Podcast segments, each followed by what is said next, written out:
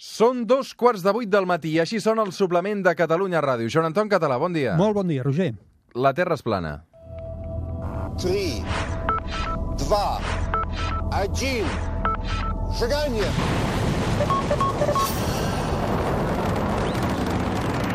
One small step for man, one giant leap for mankind.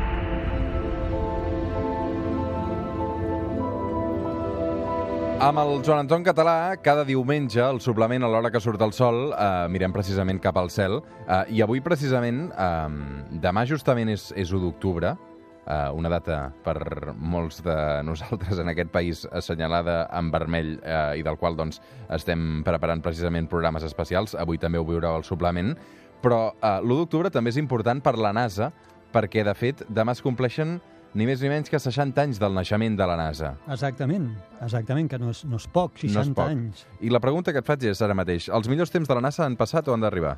Eh, a veure, n'han passat de molt bons. Jo voldria recordar com va, com va néixer tot això, perquè està, a vegades ho oblidem i ho van passar malament, aquesta gent, quan van crear la NASA. Pensem que eren els moments de la Guerra Freda, en una competició brutal per la supremacia militar i el domini de l'espai entre la URSS an, an, antigua, diríem, i els Estats Units.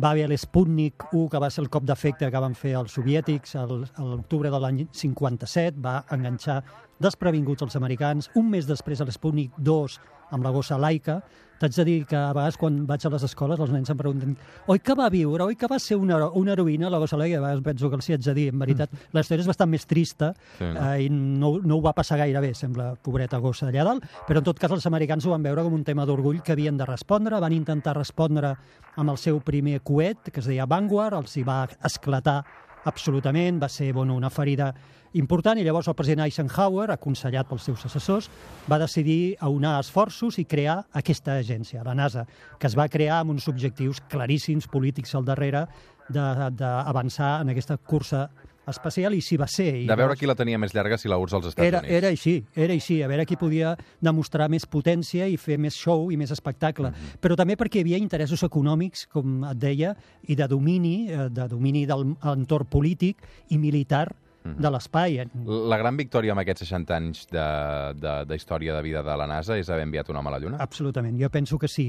Veient d'on venien, Apolo, a l'Apolo 1, el programa Apolo, a l'Apolo 1 van morir els tres astronautes dintre del laboratori d'entrenament, cremats dintre de la càpsula, no van ni arribar a pujar al, al coet. Això era l'Apolo 1, i uns anys després eh, arribava l'home a la Lluna en l'Apolo 11 i ho ha seguit fent fins a l'Apolo 17, en excepció del 13, que no hi va arribar. Jo penso que aquesta ha estat la gran fita. Fixem com ho ha estat d'important que en aquells moments la NASA tenia 400.000 empleats, si contem eh, staffing, és a dir, personal en nòmina i subcontractats. 400.000, mai més la NASA ha tornat a tenir tanta, tanta gent treballant 400.000. 400.000, imagina't. En aquest moment són 17.000, si no m'equivoco, en nòmina, més uns 100.000 segurament subcontractats. En aquell moment, 400.000. Un 4% del pressupost americà anual estava dedicat a la cursa. En aquest moment, el pressupost americà destinat a la NASA no arriba al mig per cent, al 0,5%. Donald Trump actualment se la pren seriosament, la NASA? Gens, gens. Haig de dir que gens, una de les primeres coses que va fer quan va arribar a l'Office, al poder, va ser reduir els pressupostos que la NASA té, per exemple, per analitzar i estudiar el nostre planeta des de fora. Per què? Pues perquè no li interessa per res veure eh, tot això que n'anomenem canvi climàtic i els efectes de l'home sobre la Terra, que ell nega, eh, com que no li interessa veure-ho per res, s'ha apretat a la NASA eh, intentant, o, fer, o de fet reduint pressupost per aquests programes. Per tant, allò que deies de qui la té més, gras, més gran, segurament ell sí que hi juga, però hi juga el que li interessa. Allà on ell pugui demostrar eh, potència per part dels Estats Units, dotarà a la NASA, i allà on no li interessi, reduirà els pressupostos. Segurament perquè és qui la té més petita, en realitat. som al suplement, som a Catalunya Ràdio. Cada diumenge, a l'hora que surt el sol, mirem cap al cel.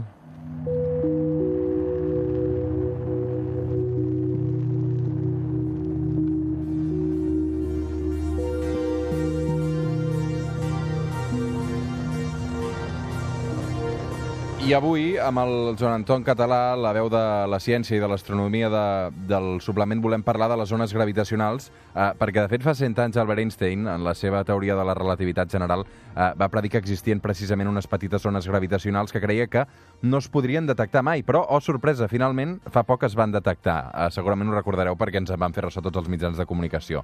Eh, com explicàvem, durant anys no es va poder comprovar la seva teoria fins que eh, fa només 3 anys, aquest any 2015, es va detectar la primera ona, però, eh, primer de tot, Joan Anton, definim exactament què és una ona gravitacional i de seguida recordem el descobriment d'ara fa 3 anys. Molt bé, com deies, el primer és eh, recalcar el que deies, no? increïble aquest home que va només teoritzar en un paper i un, i un boli ens va predir coses que encara estem descobrint 100 anys després, és impressionant. Les ones gravitacionals serien, si jo l'exemple que sempre poso és si ens imaginéssim que l'espai barra temps. El que passa no hi vull mesclar el temps, perquè si no ja ens embolicarem molt, però ens imaginem l'espai com una tela elàstica on hi situem objectes. A les ones gravitacionals serien vibracions d'aquesta tela. Quan, per exemple, hi col·loquem una bola sobre de la tela i la movem, aquesta deformació que la bola pel seu pes fa en l'espai i la movem, provoca unes vibracions sobre la tela que es poden captar a altres llocs d'aquesta tela, d'aquest espai. Això serien les ones gravitacionals. Quan un objecte massiu, molt compacte, es mou de forma accelerada a l'espai, provoca aquests tremolors, que són ínfims, després si vols t'explicaré com de petits són, que es transmeten per tot l'espai com si fossin aquestes vibracions en una tela. Com pot ser que Albert Einstein esbrinés una cosa com aquesta? No només això, ens va predir, per exemple, l'existència de forats negres, o va estar a punt de predir l'expansió de l'univers. No ho va fer perquè ho tenia al davant dels nassos, les seves equacions li deien que s'expandia, i ell no ho va saber veure i després va reconèixer que havia estat la ceguera més gran de la seva vida. Aquest home ens va fer unes prediccions increïbles amb tota la teoria de la relativitat general.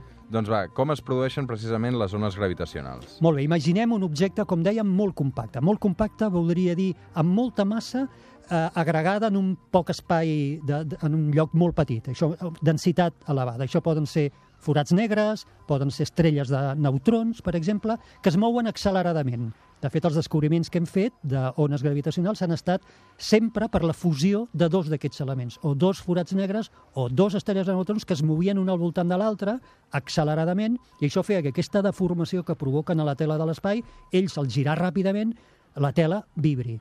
Llavors, vibra la tela perquè hi ha objectes que molt massius que es mouen acceleradament i l'espai vibra. Uh -huh. uh, doncs això és el que passa exactament amb, amb, amb les ones gravitacionals. Aquest descobriment d'ara fa 3 anys, aquests científics exactament què, què, què és el que van aconseguir que fins ara no s'havia pogut demostrar? Uh, bueno, van aconseguir el, els dispositius, els equipaments per poder detectar per primera vegada aquestes ones. Pensem que en portem 5 descobertes. És a dir, acabem de començar. Uh, fixa't, i abans deies, l'Einstein pensava que mai tindríem la tecnologia per descobrir-les de petites que són aquestes vibracions. Pues hem trigat tot això de temps per aconseguir construir els primers instruments amb suficient precisió com per detectar les primeres zones. Com es mesuren? Uh, per què dius que són tan, tan petites? Vaig a posar-te un exemple. És que és increïble on hem arribat de, de la tecnologia. Uh, podem, de fet, uh, aquests equipaments, que ara si vols t'explico com funcionen, poden arribar a mesurar eh, ones que provoquen variacions que seria com si d'aquí a l'estrella més pròxima que tenim, que és Pròxima Centauri, que està a 4,3 anys llum, això són bilions de quilòmetres, aquesta distància varies amb la mida d'un cabell humà. És dir, mesuraríem, poden mesurar, que ha canviat una distància de bilions de quilòmetres perquè s'hi ha posat un cabell humà a un dels extrems. Aquesta és la precisió que tenen els instruments que hem necessitat per descobrir les primeres ones gravitacionals, una cosa que sembla increïble. I com són aquests instruments i qui els paga, sobretot, també? Mira, qui els paga, anava a dir tots, eh, no ho sé, qui els paga són grans, per exemple, els que, els que ara estan en funcionament, en tenim als Estats Units n'hi ha dos, en tenim també al Japó, i en tenim a Itàlia, els paguen grans centres d'investigació, universitats, els CSIC equivalent diríem, als, seus, als seus països, és dir, són consorcis, perquè són, com et pots imaginar, equips eh, cars molt grans. El principal que tenim és el LIGO, que és el que, un que ha participat d'una forma determinada amb, la, amb el descobriment d'aquestes ones i són, per entendre'ns d'una forma molt fàcil, són dos braços de 4 quilòmetres de llarg amb dos làsers col·locats en perpendicular en dos làsers que van, fan els 4 quilòmetres, reboten en uns miralls especials i tornen a l'origen. Llavors, si en qualsevol moment s'ha modificat ínfimament. La distància dels 4 quilòmetres en algun dels braços, quan els làsers arriben a l'origen, arriben desfassats i provoquen una senyal d'interferència que demostren que hi ha hagut un canvi de distància i donen molta informació sobre aquest canvi. Torno a dir, estem parlant de braços de 4 quilòmetres i abans he dit que podíem mesurar, arribar a detectar canvis de distàncies a l'equivalent a un cabell humà amb bilions de quilòmetres. Per tant, imaginem com de petites són aquestes vibracions. Com podem saber que, en aquest cas, es tracta d'una ona gravitacional i no, per exemple, tremolors provocats per un cotxe que està Sí, sí. a 27 quilòmetres de distància? Sí, o, o d'una persona caminant a 100 quilòmetres de distància, o un petit tremolor de la Terra, sí, efectivament. Llavors, hi ha diversos mètodes. Un, els sistemes estan molt aïllats. Seria com si haguéssim posat eh, unes molles que els aïllen de les tremolors i de les vibracions, però això, clar, no seria suficient. I el que fem és, és tenir més d'un aquí. Per exemple, el LIGO en té dos, un a l'estat de Washington i crec recordar que l'altre a l'estat de Massachusetts, no, a l'estat de Missouri, crec, eh, separats per milers de quilòmetres. I això fa que puguem saber si la detecció en un d'ells ha estat real o, eh, o no, perquè s'hauria, podem d'alguna forma triangular, veure si la mateixa vibració s'ha rebut, en quina, en quina diferència de temps s'ha rebut en un de l'altre i veure si realment és un senyal que ens ve de l'espai o és un senyal provocat per interferències a la Terra. Som al Suplement, som a Catalunya Ràdio, avui intentant entendre, que no vol dir que ja ho haguem entès, què són les ones gravitacionals. A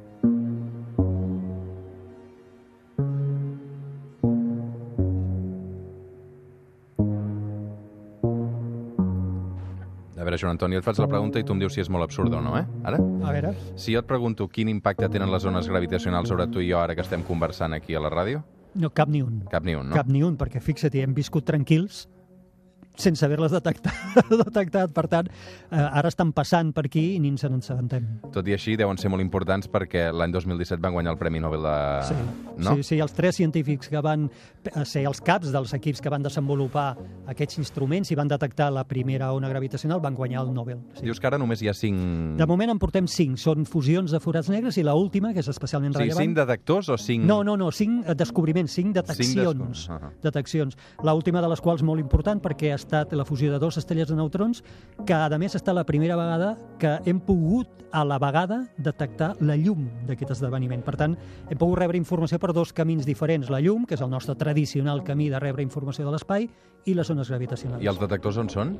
Ah, és això que et deia, n'hi ha un als Estats, ha dos als Estats Units, una a Itàlia, l'altra al Japó, i en aquest moment se n'està construint una altra a la Índia. Uh, I deu haver també més mesures de seguretat per assegurar que les deteccions són reals, no? Sí, sí, a més n'hi ha una molt, molt divertida, que és que hi ha un grup de científics que de forma, sense avisar, d'una forma absolutament de sorpresa, pot introduir senyals falses als sistemes, i de fet ho fan, ho fan d'una forma freqüent. No avisen que ho han fet i deixen que els equips d'investigació detectin aquests senyals i facin tota la investigació que dura mesos després de la detecció d'un senyal i arriben fins quasi, quasi al moment previ a la publicació del descobriment. I en aquest moment ells diuen, ei, que ha estat broma. Què fan en això? Entrenar els equips, acostumar-los a les rutines d'anàlisi i, sobretot, saber eh, aprendre a discernir entre els senyals falsos provocats per vibracions o el que sigui i els senyals reals. Recordo, Joan Anton, que una, fa unes setmanes m'explicaves que, de fet, parlàvem de la llum com a missatger. Uh, no sé si aquestes zones uh, també tenen aquesta mena de funció. Absolutament, i és, eh, ens complementen magníficament, perquè el 99, molt 99% de tot el que sabem de l'univers ho sabem per la llum en qualsevol de les seves freqüències. La llum visible, que és la que veuen els nostres ulls, els raigs X, la llum ultraviolada, les ones de ràdio, tot això és llum. Tot ho sabem gràcies a la llum. Ara comencem a tenir, hem començat a tenir com una altra finestra per estudiar l'univers, que són les ones gravitacionals, que no són llum, i ens complementen i ens podran explicar coses que, per exemple, la llum a lo millor mai no ens podrà explicar.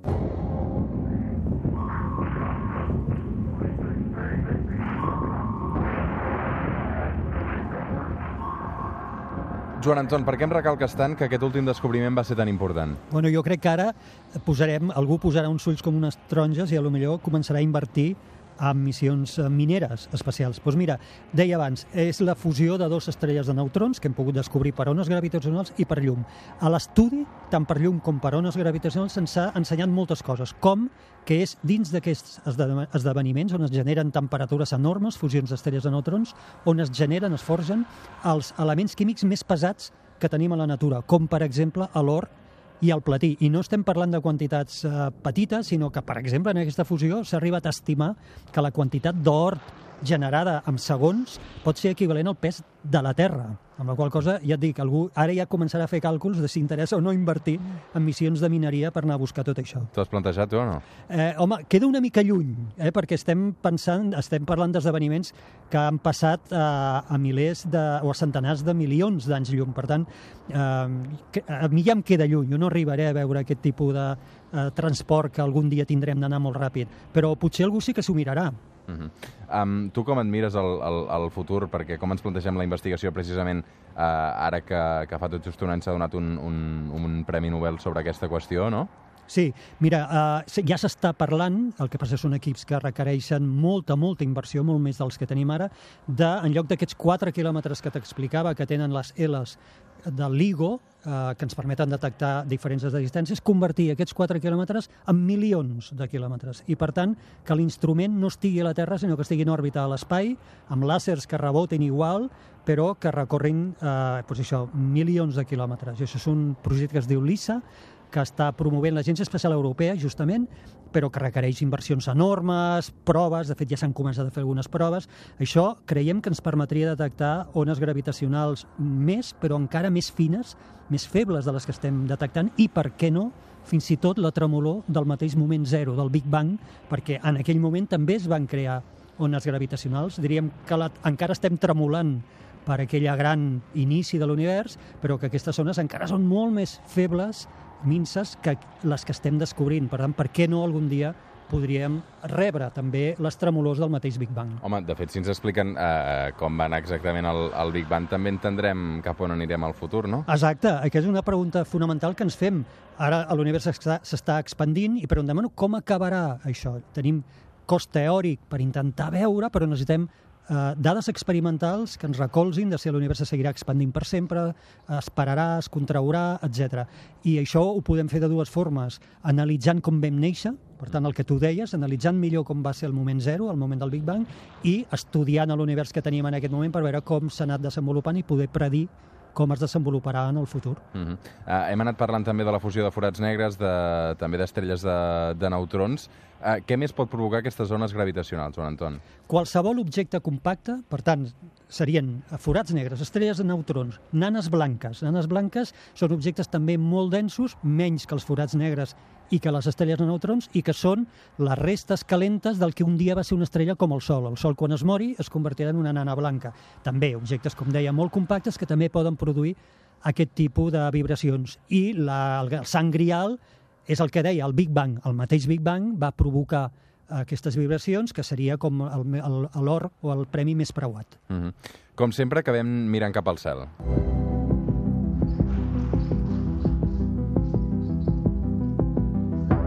Perquè, de fet, Joan Anton, si aquesta setmana el sembla vista, què ens trobarem? Uh, bueno, ens seguim trobant de fa setmanes i, per tant, torna a ser una altra gran oportunitat per qui no ho hagi vist o no ho hagi pogut reconèixer. Mart uh, brillant, que ja es, va, ja es va apagant la seva llum, ens queden... Realment estàs obsessionat amb Mart, eh? Uh, la resposta és sí, però en independència de la meva resposta és que és un fet. Mart el tenim aquí, trigarem dos anys, és que és poca broma, trigarem dos anys en tornar-lo a veure com ara l'estem veient. Per tant, val la pena d'intentar-ho. A començament de la nit, la primera part de la nit, ataronjat, sud, sud-oest, perfectament, no té cap confusió. Saturn ja és una mica més difícil, Júpiter ja se'ns amaga. En tot cas, el que sí que voldria dir, ja fent una mica, fent-me una mica de publicitat, és que tothom qui vulgui tenir més dades d'això, normalment acabo piulant durant la setmana Estels i planetes. Estels i planetes, al Twitter, acabo piulant a la posició dels planetes, què és el que es pot veure, en fi, coses d'aquestes. Arroba estels i planetes, eh, hi trobareu el Joan Anton Català amb tota la informació que mica en mica ens desgrana cada diumenge aquí al suplement, però que a més a més també l'amplia a través de, de les xarxes. Joan Anton, una abraçada ben forta. Moltes gràcies, Ara igualment. què va, a dormir o a esmorzar avui? A esmorzar, un bon esmorzar. Però després de dormir, no? Bueno, ja he dormit prou avui. Sí? sí. Saps que hi ha gent que es desperta per escoltar les primeres hores, després se'n va a dormir, després quan, quan es torna a despertar encara ens escolta? Perquè Eh, encara hi som, fem 7 hores de programa, Home, hi ha per tot, no? ja n'hi ha per tot. Gràcies, Joan Anton, A una tu. abraçada ben forta. Gràcies. De seguida tornem aquí al suplement de Catalunya Ràdio.